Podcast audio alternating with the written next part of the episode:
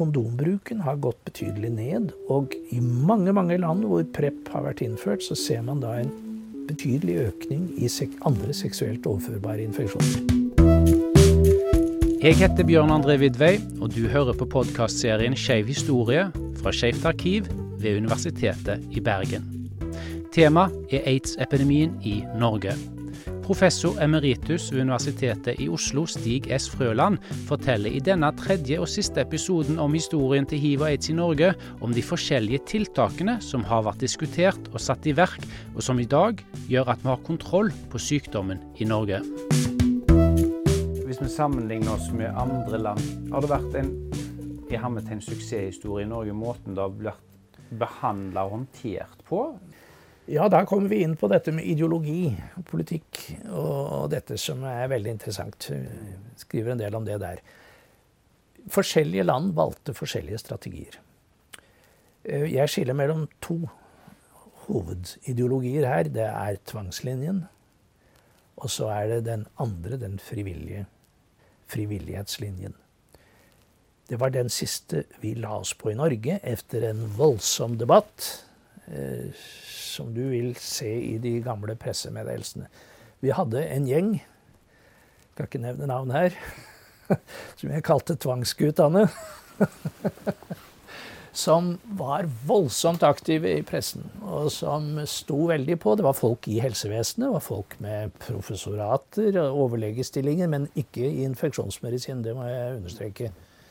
Som gikk voldsomt ut og mente at dette var den nye svartedauden, og her måtte man slå til. Det var helt klart velment. De trodde dette. At man måtte slå til med tvangsmidler, med isolasjon, karantene, tvangstesting. Et stort uh, spørsmål, diskusjonsspørsmål. For ellers ville det norske folk gå under. Uh, jeg tilhørte ikke den gruppen. Jeg tilhørte frivillighetslinjen. Satt, jeg satt jo da i helsedirektørens rådgivningsgruppe, som eksisterte i noen år, 85-87. Og vi hadde veldig godt samarbeid med Mork. Uh, Mork var jo en kontroversiell person på mange måter, men jeg må si at i, i aids-sammenheng så syns jeg han var uh, veldig bra. Og vi Han han ga samtykke, holdt jeg på å si, og støttet at vi gikk inn for en frivillighetslinje. Vi sa nei til tvangstesting, vi sa nei til bruk av tvangstiltak. Og eh, det var som sagt veldig mye emosjoner rundt dette her. Hadde, det var et stort møte, det var vel i 88, tror jeg det var, i Medisinsk selskap. Og da snudde det. Det var masse folk fra helsevesenet, fra store deler av landet der. Og de forskjellige parter la frem sine syn, og etter det så svingte det i frivillighetslinjen, tror jeg, i, i hvert fall i legekretser. Og det ble jo frivillighetslinjen vi la oss på, selv om flere regjeringer var skeptiske til eh, helsedirektørens og rådgivningsutvalgets holdning. Bl.a. Eh, en høyreregjering forberedte bl.a. under Willoch å komme med en mer tvangspreget lov. Og så overtok Arbeiderpartiet under, under Tove Strand, Gerhardsen som hun het den gangen. Og de også planla en tvangs, mer tvangspreget lov, men det ble det ikke noe av. Så Norge la seg på frivillighetslinjen, og vi vil jo gjerne si da nå ha, vi hadde rett. Det har gått bra i Norge. Det er ikke tvil om det. Selv om vi stadig har nytilfeller. Burde ikke ha det heller, syns jeg. Men eh, jeg må jo si at vi fikk kontroll på aids-epidemien. Og vi vil jo da gjerne slå oss for vårt bryst og si at se det, frivillighetslinjen var den riktige. Men hvis vi ser utover i, i, resten av verden, så ser vi jo at forskjellige land la seg på forskjellig Noen valgte frivillighetslinjen, men andre la seg på tvangslinjen. Og tvangslinjen ville i praksis si at man reaktiverte de gamle smittelovene fra 1800-tallet som lå sovende i mange, mange land. Og kjørte med masse muligheter for tvangstiltak. Man, på 1800-tallet var ikke, man, man var ikke så opptatt av menneskerettigheter og den enkeltes rettigheter. Så man, man reaktiverte disse lovene og kjørte en tvangslinje. Hvis vi sammenligner resultatene f.eks. For i forskjellige europeiske land, så ikke, er det ikke så store forskjeller. Så jeg, jeg, tror vi må være ærlige og si at, eh, at frivillighetslinjen eh, førte ikke til den elendighet som tvangsguttene profeterte.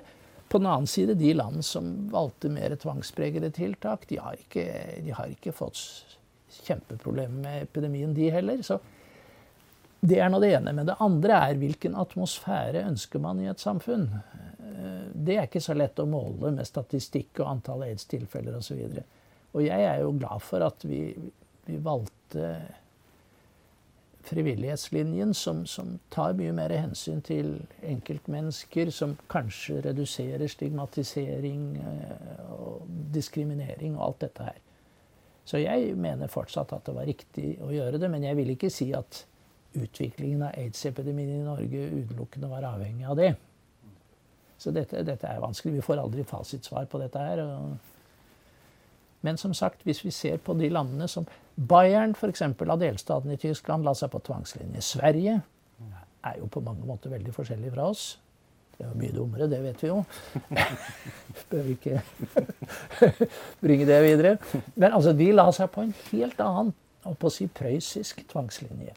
Og de ble jo innklaget for Menneskerettsdomstolen i Haag, til og med. For, for langvarig isolasjon, skråstrek fengsling av hiv-smittede i den beryktede gule villaen i Stockholm ved Danderyd sykehus. Og det har jo preget mange andre forhold i helsevesenet også. at De er, litt mer glad i prøyssiske tiltak i, i, i Sverige. Men de har heller ikke de har også fått kontroll på sin aids-epidemi. Så, så det, det, er ikke sikkert at det betydde så mye i praksis når det gjelder antall aids-tilfeller.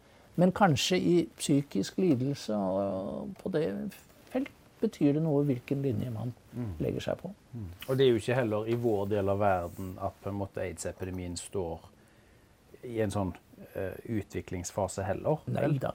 Så, så, og det kommer vel ikke til å gå tilbake det her? Altså at det blir noe stor trussel her igjen på den måten?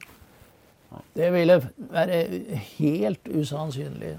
Da måtte man, da må, da måtte man begynne med, med vanvittig science fiction-tenkning at viruset plutselig skulle mutere og bli enormt mye mer smittsomt. Er det realistisk overhodet?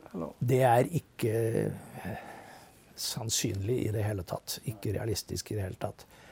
Du vet at i infeksjonsmedisinen så, så har det vært eh, en tro på at eh, når mennesket, Homo sapiens, blir utsatt for en ny infeksjon, et nytt virus f.eks., så vil viruset være veldig sint i starten, og så vil det gradvis adaptere seg og bli snillere. Det har liksom vært en slags en slags eh, et postulat. Men det holder nok ikke helt. Man kan se det motsatte også, men eh, Så, så intet er helt sikkert her. Men altså, det, er, det, er, ikke noen, tror jeg, som i dag tror at viruset, dette viruset plutselig vil, eh, vil endre egenskaper og bli, bli, veldig mye mer smittsomt. Altså, det, det, det er ikke grunn til å tro. Det er ren science fiction.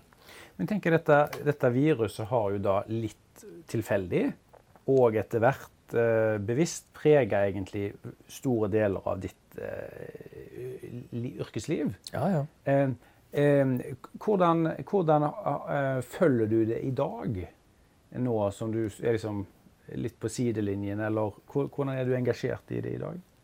Jeg har jo stadig pasienter, jeg. Mm. Og ja, ja.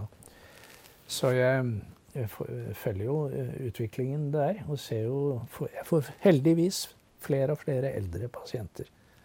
Noen av pasientene mine har jeg hatt i 30 år, faktisk, og det er jo en fantastisk ting. Og vi gratulerer hverandre stadig. For det var ingen som trodde det før 86. Det var jo i 86 eh, I 96 behandlingsrevolusjonen kom. I 96. Før det så må jeg si jeg måtte se at flertallet av mine pasienter forlot oss. I 96 var det det ATC? Eller? Nei, ACT. Det var det første medikamentet som kom. Eh, som påvirket viruset. Og det fikk vi eh, allerede i, i 85, våren 85. Og det, det var jo en fantastisk oppmuntring. Vi trodde at nå skulle det virkelig skje. De, det var gjort en amerikansk studie, en kontrollert studie, det, som ble avbrutt etter noen måneder fordi det døde så mange i de, den gruppen som ikke fikk ACT. Ulykken var at man avbrøt for tidlig. For det viste seg det at man brukte jo bare ett medikament. Hemmeligheten i aids-behandling er å hamre løs på viruset med en cocktail med forskjellige medisiner. For å hindre at viruset skal mutere og bli motstandsdyktig. Det nytter ikke å behandle bare med ett medikament, og det var det man gjorde. Hvis man hadde fortsatt den første amerikanske studien litt lengre, så ville man sett at nå begynte pasienten å bli dårligere igjen, og det var det vi så. Så det var en veldig nedtur da vi hadde bare ACT i 85-86. Men i 96 ble det klart da, Det var da man ble klar over hvordan viruset oppførte seg. At det formerte seg voldsomt fra første stund. Og da fikk man også de første nye medikamentene som brukt sammen med andre i cocktails, sammen med det gamle ACT bl.a., så stanser vi virusformeringen og hindrer at viruset muterer og blir motstandsdyktig. Og det er slik vi behandler i dag. Og det har jo skjedd veldig mye forbedringer på Vi har fått flere medikamentgrupper som virker på en helt forskjellig måte på viruset. Veldig fascinerende medisin. Uh, og vi har fått mye mer pasientvennlige opplegg, slik at vi nå har kombinasjonspiller. som De kan ta én pille i døgnet, og den pillen inneholder flere forskjellige medisiner. Så fortsatt er det cocktailbehandling, men mm. cocktailen er i én pille. Mm. Men altså, så er det jo sånn at eh altså Enhver medisin har jo òg på en måte bivirkninger. Men er, er det, hvordan er denne her i cocktailen sånn, i en sånn generell pasient? Er det merk merkbart at man går på det? det de, første, de, første, medisinene vi fikk, hadde masse bivirkninger. Mm. Og vi måtte gi dem også mange ganger i døgnet. Så De første årene så var jo pasientens hverdag preget av å ta sine medisiner. Noen medisiner måtte tas på fastende mage, noen måtte tas til mat. Også, og bivirkningene var hyppige. Etter hvert har man fått nye varianter av medisinene med mye mindre bivirkninger. Sånn at eh, fortsatt kan vi få bivirkninger med, med, medisinene våre, men da har vi så mange alternativer. Nå kan vi velge og vrake i vårt spiskammer. Så vi vil alltid kunne skreddersy en behandling som ikke gir vesentlige bivirkninger, og samtidig har like gode virkninger. Mange av oppleggene våre er akkurat like effektive, men de kan ha forskjellige egenskaper når det gjelder bivirkninger. Og det en pasient ikke tåler, tåler en annen pasient. Og vi kan alltid eh, finne noe egnet. Så det har vært eh, enorme fremskritt når det gjelder behandlingen, også når det gjelder bivirkninger. Mm. Men jeg tenker, um, hvis du hadde fått en pasient inn i dag som da var nysmitta, eh, hvordan ville du eh, beskrive for denne pasienten alvorlighetsgraden av det viruset som vedkommende har pådratt seg? Nei, jeg vil jo si at uh, hvis vi ikke behandler deg, så er dette en meget alvorlig sykdom. Og da måtte jeg beskrive hva som ville skje. Uh, uten at jeg kan si akkurat i antall år osv. Jeg vil si at dette viruset kommer til å påføre deg etter hvert en alvorlig immunsvikt som vil føre til livstruende komplikasjoner. Uh, I tillegg til at du vil være svært smittsom, naturligvis. Eh, så jeg vil jo så sterkt jeg kan eh, overbevise vedkommende om at eh, han eller hun måtte behandles.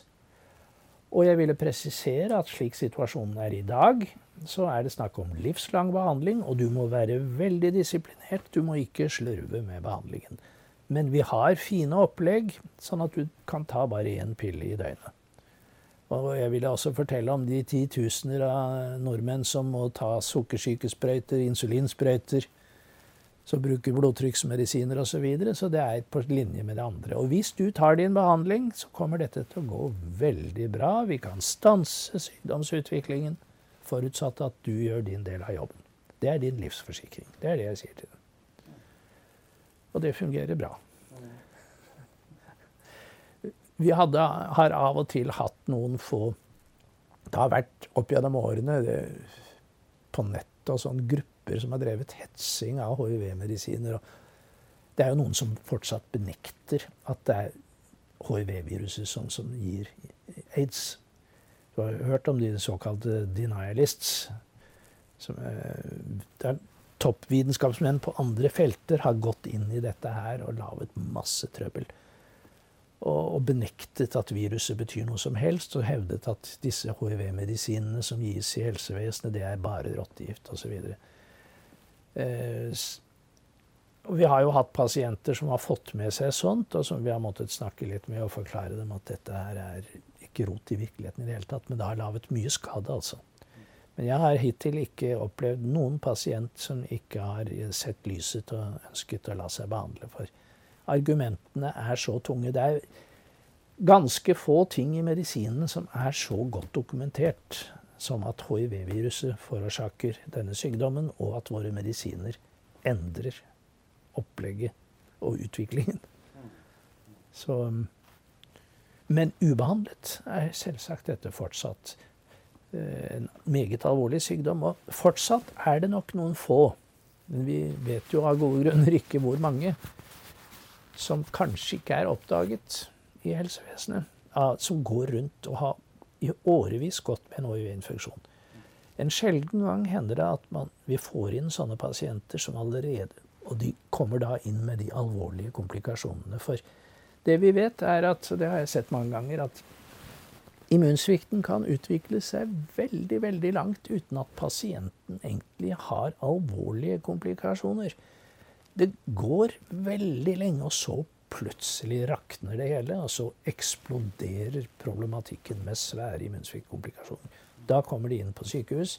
Da kan det av og til være for sent fordi pasienten er så syk at vi ikke klarer å takle komplikasjonene og snu immunsviktutviklingen før komplikasjonene tar livet av pasienten. Så fortsatt gjelder det vi har sagt i mange år, at alle som tror at de kan tenkes å være smittet, bør teste seg. Mm. Jeg tror jo de fleste har tatt det budskapet, men eh, Så det, det er fremdeles noen i Norge som dør av aids? Det er veldig få, veldig få, men det vil være fortsatt noen ganske få som gjør det. Bl.a. fordi noen av de som startet behandling i veldig tidlige år, de kan ha utviklet resistens mot viruset. Eh, at viruset er blitt motstandsdyktig. Av forskjellige grunner, også fordi de selv har vært udisiplinert og slurvet, sånn at man ikke har så mye å tilby dem lenger. Og da vil man ikke risikere at man ikke kan stanse utviklingen videre. Men det er færre og færre som lever av den typen der. Som har pådratt seg virusresistens på tidlig tidspunkt. Så ja. De første årene av aids-epidemien, hvis vi ser på de dataene fra USA, hvor tallene er størst, så var jo, seilte jo aids opp til å bli en av de viktigste dødsårsakene i samfunnet. Viktigere enn trafikkulykker og alt, det har jo forandret seg totalt i alle vestlige land som har, som har um, innført moderne behandling. Men dette med smittsomhet, sånn som du var inne på hvordan, En ting jeg ikke kom inn på, er at jo, det er helt klart at behandling reduserer enormt smittsomheten. Og derfor har noen ønsket å føre det til sin ytterste konsekvens å bruke behandling som det viktigste virkemiddel globalt for å utrydde eller stanse aids-epidemien i alle kontinenter. Eh, men da må man først teste absolutt alle. Og da kommer vi opp i svære problemer igjen. Og så må, må man behandle alle som er funnet positive, uansett hvor friske og tidlige de er med alle de problemer det medfører. Og det er enormt ressurskrevende på alle måter. Men det er den såkalte test and treat-strategien som ligger bak det. Og det er, mange sterke aktivistiske tilhengere av det. Men eh, det er, det er ikke bare, bare, det heller, altså.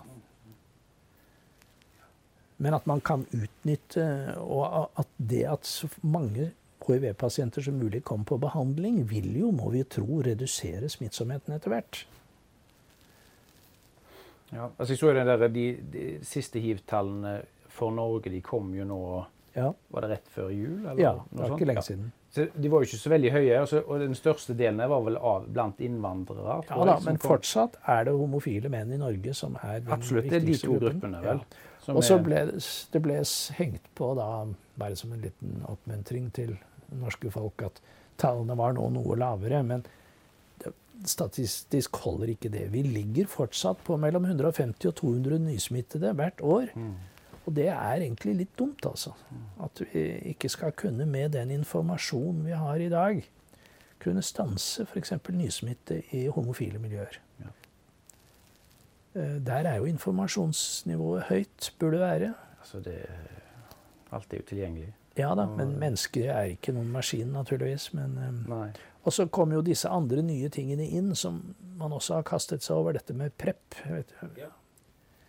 Som eh, som jo eh, helt klart eh, er aktuelt for å hindre smitte hos de som ikke ønsker å bruke andre forebyggende tiltak. Eh, og det er jo igjen gjort en rekke kontrollerte studier som viser helt klart at folk som vil utsette seg for risiko, men som da tar hiv-medikament, de vil redusere helt klart risikoen for å bli smittet. Men eh, de vil, det er nemlig etter, i årene kommet det som jeg kaller kondomtretthet. Vi satset jo veldig mye på, på, på, kondomer tidligere som forebyggelse. Og kondomer har den fordel at de ikke bare beskytter ganske effektivt mot hiv, men også mot en rekke andre seksuelt overførbare infeksjoner. Etter hvert så ble folk i spesielt eh, homofile miljøer fed up med kondomer. Det jeg kaller kondomtretthet. Og har presset på for PREP, bl.a. Og kondombruken har gått betydelig ned. Og i mange mange land hvor PREP har vært innført, så ser man da en betydelig økning i sek andre seksuelt overførbare infeksjoner. Det vil også føre til en viss økt eh, smittemulighet, som vi var inne på i sted. Dette med kjønnssykdommer og betennelser og osv. Men eh, man syns at det er verdt det da, å ta med Da forutsetter det at man stadig følges opp og behandles for kjønnssykdom. Og jeg må jo si de første årene så gjorde jo bl.a. de homofile eh, gruppene og organisasjonene en veldig innsats for, for informasjon, og, og, taklet dette veldig bra. Så det er litt skuffende hvis, eh, hvis det skal skorte på informasjon nå, altså. Men jeg, har òg eh, snakket med en del yngre mennesker, og han ene sa til meg Han sa at eh, så lenge jeg har vært kjønnsmoden, sa han, så har det å ha hiv har aldri vært noe problem. Så jeg tror at de har vokst opp med en annen mentalitet. Ja, det er helt klart. Et, ja. Man ser ikke lenger på det som noe stort problem å bli hiv-smittet. Og, og, derfor, også i den sammenheng, er jeg litt opptatt av um, den, en av mine kjepphester, som jeg har vært inne på, nemlig de andre senkomplikasjonene som kanskje er knyttet til denne ulmende betennelsen som vi får selv om, selv om man behandles. Mm. Så man er ikke uten medisinske problemer selv med velbehandlet hiv. altså. Nei. Men altså da, et ungt menneske tenker jo ikke da frem på hva, hvilke komplikasjoner vil jeg kunne få om 15-20 år når jeg skal bli gammel. De tror ikke de skal tenker jo ikke på at de skal bli gamle engang. Men du er udødelig når du er 21? Så, så her, ja, helt klart. Så det gidder de ikke tenke på. Og, og, og, helt klart mange tenker som du, at i dag er det nærmest som en vanlig forkjølelse å bli eh, Vi har jo så flotte medisiner og den med det andre, men så tenker man ikke på at man må gå resten av livet til regelmessige kontroller og ta blodprøver. og Man må ta sine medisiner regelmessig. Men, men. Mm. Det er som sagt, Mennesket er ikke noen maskin. så... Nei, nei. Eh, vi har jo gående et kontrollert en eh, slags studie, da. Jeg vet ikke hvor kontrollert den i praksis er, men vi prøver jo å, å se hvordan prep-bruken er her hjemme. Eh, Så ved Olafia-klinikken så prøver man å følge med nå i, i PREP-bruken. Så får vi da se etter hvert om det vil føre til en økning av hiv-smitte. Det kan også tenkes. For det har vel vært en markant økning i andre kjønnssykdommer? har du ikke Ja, det? det har det. Og nå har du meldt om den såkalte supergonoreen, Ja. som er, ikke finnes behandling eh, Nei. Ja. Så det er ikke bare bare. Altså man, man bare kimser av disse vanlige kjønnssykdommene, men en vakker dag så vil vi komme opp i resistensproblemer også når det gjelder eh, de vanlige årsakene til kjønnssykdommer. Og, og som sagt, det øker også smittsomhet for, for hiv. Og, så det er litt problematisk, dette her, da. Eh, eh, det enkleste ville jo være at man både satset på de gamle tiltakene, inkludert kondom, samtidig som man utnyttet medisinenes effekt på å redusere smittsomhet. Da først ville vi kanskje få virkelig bukt med aids-epidemien. Men å slå vrak på velprøvede smitteforebyggende tiltak av ren sånn tretthet, det, det har jeg vært litt skeptisk til. Men igjen, eh, dette er, dette er litt emosjonelt. Eh, Og folk har vært sure på meg for det også. Mm. Så man kan ikke få alt her i verden. De sier, de sier så. Ja. Du har nå hørt den siste av tre episoder hvor Stig S. Frøland forteller om den tidlige fasen av hiv og aids i Norge. Abonner på Skeivt arkiv sin podkastserie for å få med deg alle kommende episoder. Les mer om oss på Facebook eller skeivtarkiv.no.